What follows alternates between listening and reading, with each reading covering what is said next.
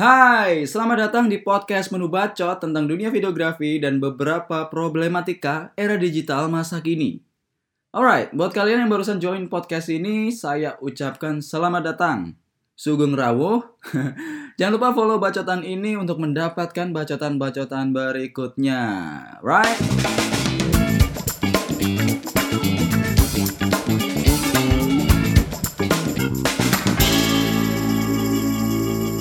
Alright, dunia videografi ya. Dunia di mana kita berkarya dengan audio dan visual. Dunia di mana kita sering bertarung dengan selera. Selera kita dan ya selera orang banyak yang notabene itu macem-macem, beragam, seabrek. Dan karena selera pula, kita juga harus pinter-pinter dalam menempatkan diri di mana kita seharusnya memberikan servis yang terbaik, memberikan hasil karya yang terbaik, memberikan suguhan video yang terbaik. Karena balik lagi, kita berkarya selain untuk diri kita pribadi, ya tentu untuk dinikmati banyak orang kan, ya kan? Buat kalian yang merasa videografi merupakan sebuah passion yang harus kalian kembangkan, tentu ya kalian mempunyai rencana masa depan lah ya agar apa yang ingin kalian tekuni ini dapat menjadi sebuah usaha yang komersial. Tentunya dengan cara membuka jasa di bidang videografi, membuka jasa di bidang multimedia. Jadi istilahnya tuh berkarya sekaligus bekerja membuat hobi menjadi sumber pundi-pundi.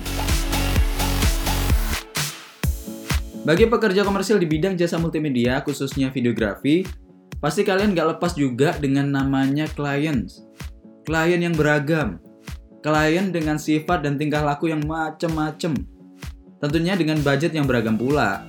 Ada klien yang budgetnya tuh banyak, hasilnya mah bebas. Videonya dibikin kayak gimana terserah, yang penting videonya kelar, tanpa revisi, Percaya 100% sama kemampuan kita. Wuh, itu adalah klien idaman para pekerja jasa komersil ya. Ya kan? Siapa yang nggak mau punya klien model kayak gitu? Udah duitnya banyak, dikasih penawaran berapapun oke, okay, videonya terserah. Belah lah, nggak ada kayaknya. kayaknya sih nggak ada. Karena seperti yang saya tahu tuh semua klien perhitungan ya. Iya, sayangnya jarang banget ada klien yang seperti itu di Indonesia saya bilang di Indonesia ya bukan di luar sana. Karena ya ya saya nggak tahu di luar sana tuh kayak gimana. Orang saya tinggal di Indonesia kan pak. Ya elah. Ya terus ada kadang ada pula klien dengan budget tipis minimalis. Tapi tuh mintanya tuh selangit seabrek. Yang bikin video kayak gini lah yang dibikin kayak gitulah. Revisi ini itu. Seakan-akan mereka tuh nggak sadar apa ya bahwa budget mereka tuh terbatas. Budget mereka tuh tipis loh ya kalau misalkan kalian nemu klien kayak gitu, ya udah dibakar aja tuh alisnya. Bakar tuh alisnya separuh biar bisa lihat tuyul. ya. Buat para pekerja seni, klien dengan model seperti itu tuh kayak nightmare ya, kayak mimpi buruk. Bikin usaha makin seret. Sekarang apa? Mintanya cepet, tapi revisi mulu, revisi ini itu ini itu. Deadline abis, kelar juga kagak. Iya kan? Orang direvisi mulu gimana mau diselesain kan? ya udahlah bakar aja lah kalau misalkan nemu model klien kayak gini.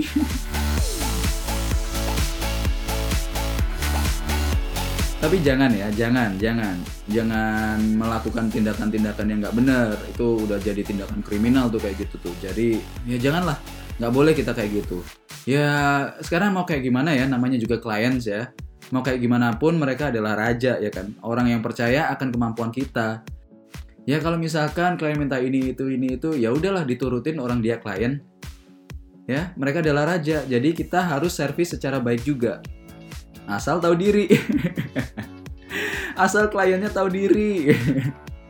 Oh Tuhan balik lagi jadi jahat kan? Oke oke oke. Lanjut ya lanjut. Untuk mendapatkan sebuah citra positif dan penilaian yang baik dari orang lain, tentu kita juga harus mengawalinya dengan susah payah kan? Ya ibarat kata tuh kayak driver uh, ojek online lah yang memberikan pelayanan super ramah ketika awal mereka narik. Ya agar apa? Agar penumpang tuh merasa puas dan memberikan rating bintang 5 atas kepuasannya tersebut. Sama halnya bagi para pekerja jasa komersil rating memang harus kita raih. Citra baik dan positif memang harus kita raih harus kita kejar. Ya selain untuk berkembang tentu saja untuk kepuasan batin juga dong sekarang siapa sih yang gak seneng kalau dapat pujian? dipuji videonya bagus, videonya memuaskan, videonya aduh dewa banget, masterpiece banget. Siapa sih yang nggak pengen dapat pujian kayak gitu? Tentu seneng banget kan ya. Bikin kita tuh semangat untuk bekerja dan memberikan pelayanan terbaik di pekerjaan selanjutnya. Iya kan? Nah, untuk dapat berkembang pula, tentu diperlukan support dari lingkungan sekitar baik dari lingkungan keluarga, teman, kakek, nenek, mantan, klien, mantan klien, jangan mantan doang, jangan dipisah. Jadi beda dong. Ya, ya pokoknya siapa pun lah. Bentuk support tuh ada banyak, bisa dari siapa pun. Dan bentuk support pun juga beragam. Ada yang mendukung secara finansial atau mendukung secara moral. Dan bentuk dukungan yang paling sering saya temui ini adalah bentuk dukungan finansial dari kerabat, dari teman dekat, itu tuh udah pasti ada. Nah kalau misalkan kalian bingung ya, kalian bertanya dukungan finansial tuh yang kayak gimana sih? Apakah ngasih utangan atau ngasih pinjaman atau kayak gimana sih? Bukan, bukan, bukan memberikan pinjaman uang atau pinjaman harga diri, bukan, bukan seperti itu. Jadi dukungan finansial yang saya maksud adalah seorang teman yang menjadi seorang klien. Oke? Okay? Seorang teman yang meminta bantuan kalian untuk memberikan servis kepada mereka. Sederhananya, kalian tuh mendapat orderan dari seorang teman. Baik itu berupa ngedit atau untuk mendokumentasikan kegiatan yang mereka punya. Jadi tuh kalian dapat duit dari teman kalian sendiri. Itu tuh namanya dukungan finansial. Alright? Kalau ngasih utangan tuh namanya beban. namanya dukungan beban apa ya? Iya iyalah beban siapa sih yang mikir sekarang utang bukan beban? Beban tau? Ya karena saya juga punya punya utang banyak lagi. Terkadang masalah tuh sering timbul di sini. Iya, entah kenapa terkadang teman tuh jadi sumber masalah ya. Iya, kadang-kadang loh. Saya nggak bilang selalu, tapi terkadang ya. Jangan dianggap serius, ya. Jangan baper, ntar dimasukin hati lagi. Jangan dimasukin hati dong, tapi dimasukin pikiran. ya Tuhan. Iya, ya kayak gitu. Kadang tuh temen tuh jadi sumber masalah. Asal kalian tahu. Jadi gini, Kadang masalah tuh emang sering timbul di sini. Masalah bagaimana sulitnya seseorang menempatkan diri mereka. Ketika teman kalian ya, yang as a client meminta kita untuk memberikan jasa yang kita miliki kepada mereka. Masalah yang sering timbul adalah ketika mereka meminta harga teman kepada kita. Ya kan? Meminta harga teman. Nah, apakah itu ya? Apakah itu merupakan masalah yang besar? Oh iya, tentu. Of course. That's a big problem for us. Buat para pekerja jasa komersil. Itu tuh masalah yang paling gede, masalah yang uh, aduh, yang uh, pelik banget lah, yang kayak ibarat kata tuh sakit tapi nggak berdarah. ya. Terkadang tuh ada yang bilang tuh kayak gitu tuh masalah sepele, tapi sebenarnya itu masalah gede banget. Karena masalah yang kayak gitu tuh bersinggungan tentang bagaimana dia seharusnya menempatkan diri mereka tentang kesadaran diri aja lah. Memposisikan diri mereka as a friend or as a client. Itu adalah bagian dari masalah. Ketika dia ketika teman kalian nggak bisa menempatkan diri mereka nggak sadar diri akan posisi mereka. Seharusnya tuh mereka tahu akan batasan tersebut. Bukan hanya masalah di dalam bidang jasa ini aja sih ya namun berlaku juga di dalam bidang apa pun. Ya sebuah masalah yang sulit banget di bumi hanguskan Iya kan? Sampai sekarang pun masalah itu masih sering timbul, masih sering saya dengar, dan masih sering juga saya alami. Ya karena seperti apa yang saya bilang sebelumnya, hal ini tuh udah jadi budaya, budaya kita, budaya di Indonesia. Ya selagi kita bisa lah ya, kita tuh wajib untuk membersihkan penyakit ini. Ya paling nggak di lingkungan sekitar kita dulu aja lah ya, di lingkungan temen dulu lah. Karena gini, Permasalahan ini tuh adalah permasalahan paling umum yang sering muncul ke permukaan para pekerja jasa komersil yang tengah merintis untuk berkembang. Mereka meminta kita untuk menurunkan harga yang sudah kita tentukan dengan embel-embel apa? Mengatasnamakan persaudaraan. Ya elah, persaudaraan loh ya. Yang mungkin sekental susu kental manis cap nona. Uh, kental banget tuh atau sekental susunya Nona. aduh gimana tuh? atau sekenyal susunya aduh aduh aduh aduh aduh aduh aduh aduh aduh aduh. Oke, skip. Eh, balik balik balik. Ya ampun, nih otak jadi makin jorok ah. Oke balik ya. sorry sorry sorry. Intermezzo biar kalian tuh nggak melulu serius. jadi ada bercandanya dikit meskipun agak jorok. Nggak apa-apa ya. Udah gede ini kan.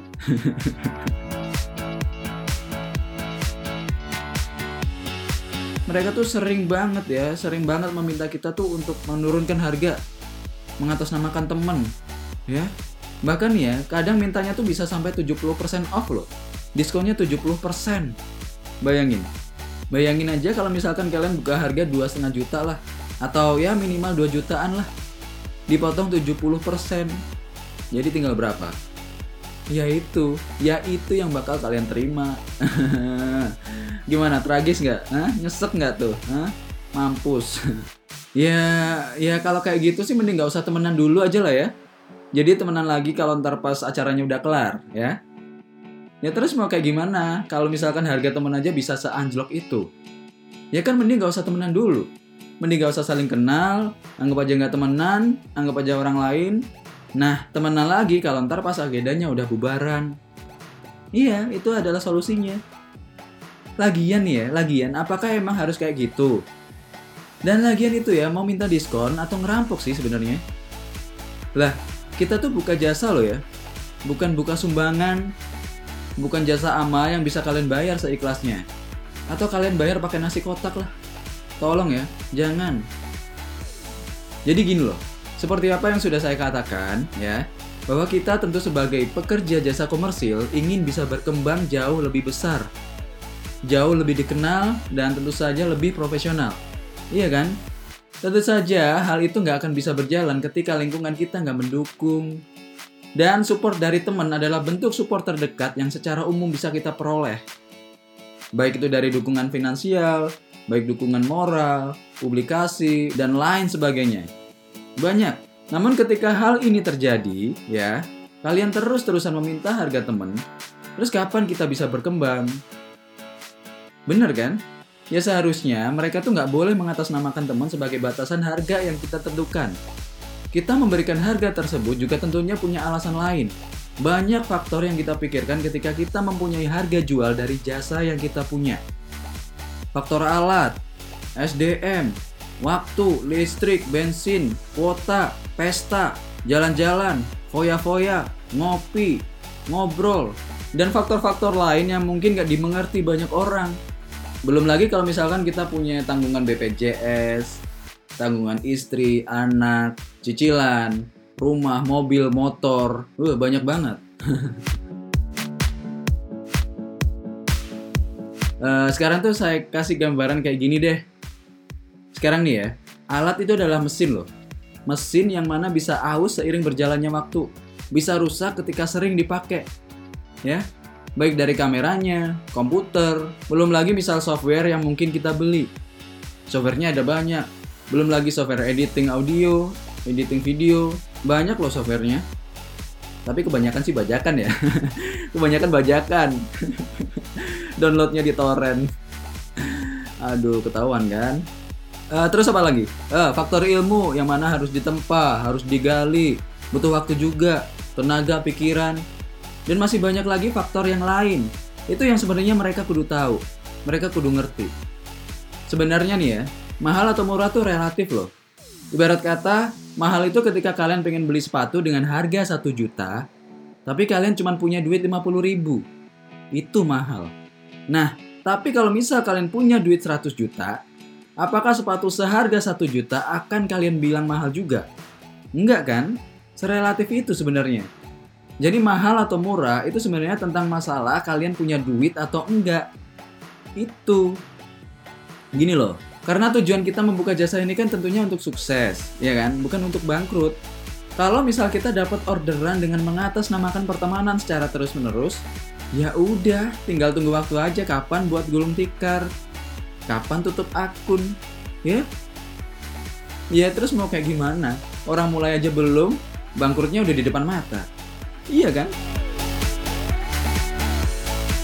Ya seharusnya kalian sebagai teman ya, kalian sebagai seorang teman itu justru memberikan dukungan 100%. Hargailah teman kalian yang ingin berusaha berkembang dengan membuka jasa ini sebagai jalan mereka menuju kesuksesan. Saya yakin teman kalian akan dapat memberikan pelayanan yang total, pelayanan 100%. Karena apa? Ya karena mereka adalah teman kalian. Orang yang kalian percaya akan tanggung jawab ini. Dan kita dari sudut pandang pekerja seni tentu nggak mau juga dong memberikan citra yang negatif, memberikan hasil yang buruk, video yang jelek, apalagi sama teman sendiri. Jadi ya sama-sama saling memberikan dukungan yang positif lah.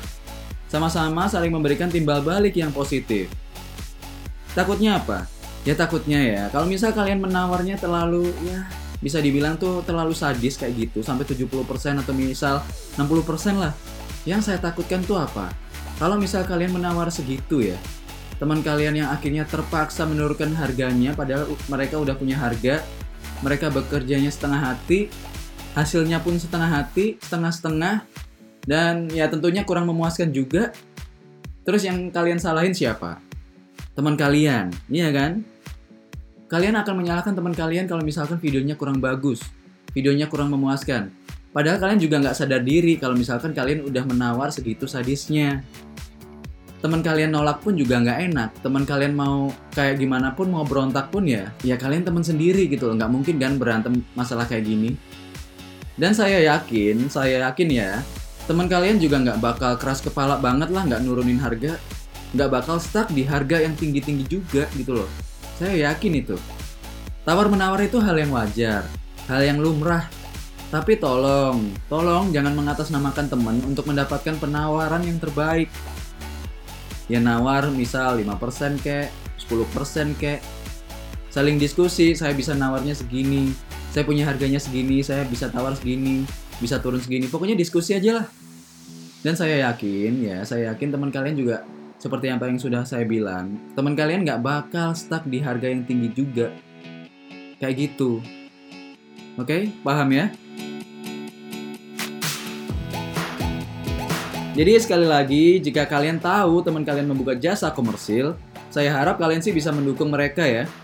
Hargailah usaha mereka. Hargailah teman kalian dengan tidak meminta harga teman. Itu udah lebih dari cukup. Ya? Oke? Okay?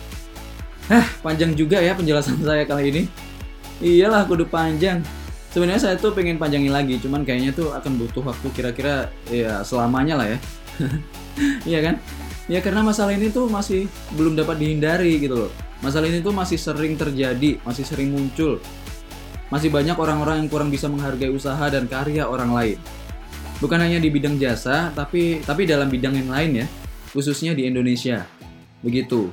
Jadi yang bisa kita lakukan sementara ini adalah ya mencoba memberikan pencerahan kepada orang-orang di sekitar kita dulu, baru ke ranah dan lingkungan yang lebih luas. Dan semoga kalian paham Semoga kalian bisa mengambil hikmah dari semua perkataan saya dan tentunya semoga bermanfaat juga sih buat para pekerja seni di luar sana yang mempunyai permasalahan yang sama. Uh, alright, baiklah saya rasa cukup. Sekali lagi jangan ragu-ragu untuk memberikan saya topik yang menarik. Oke, okay? so then thank you so much for listening. Hope you guys enjoy this episode and yeah, I'll see you around. Cheers!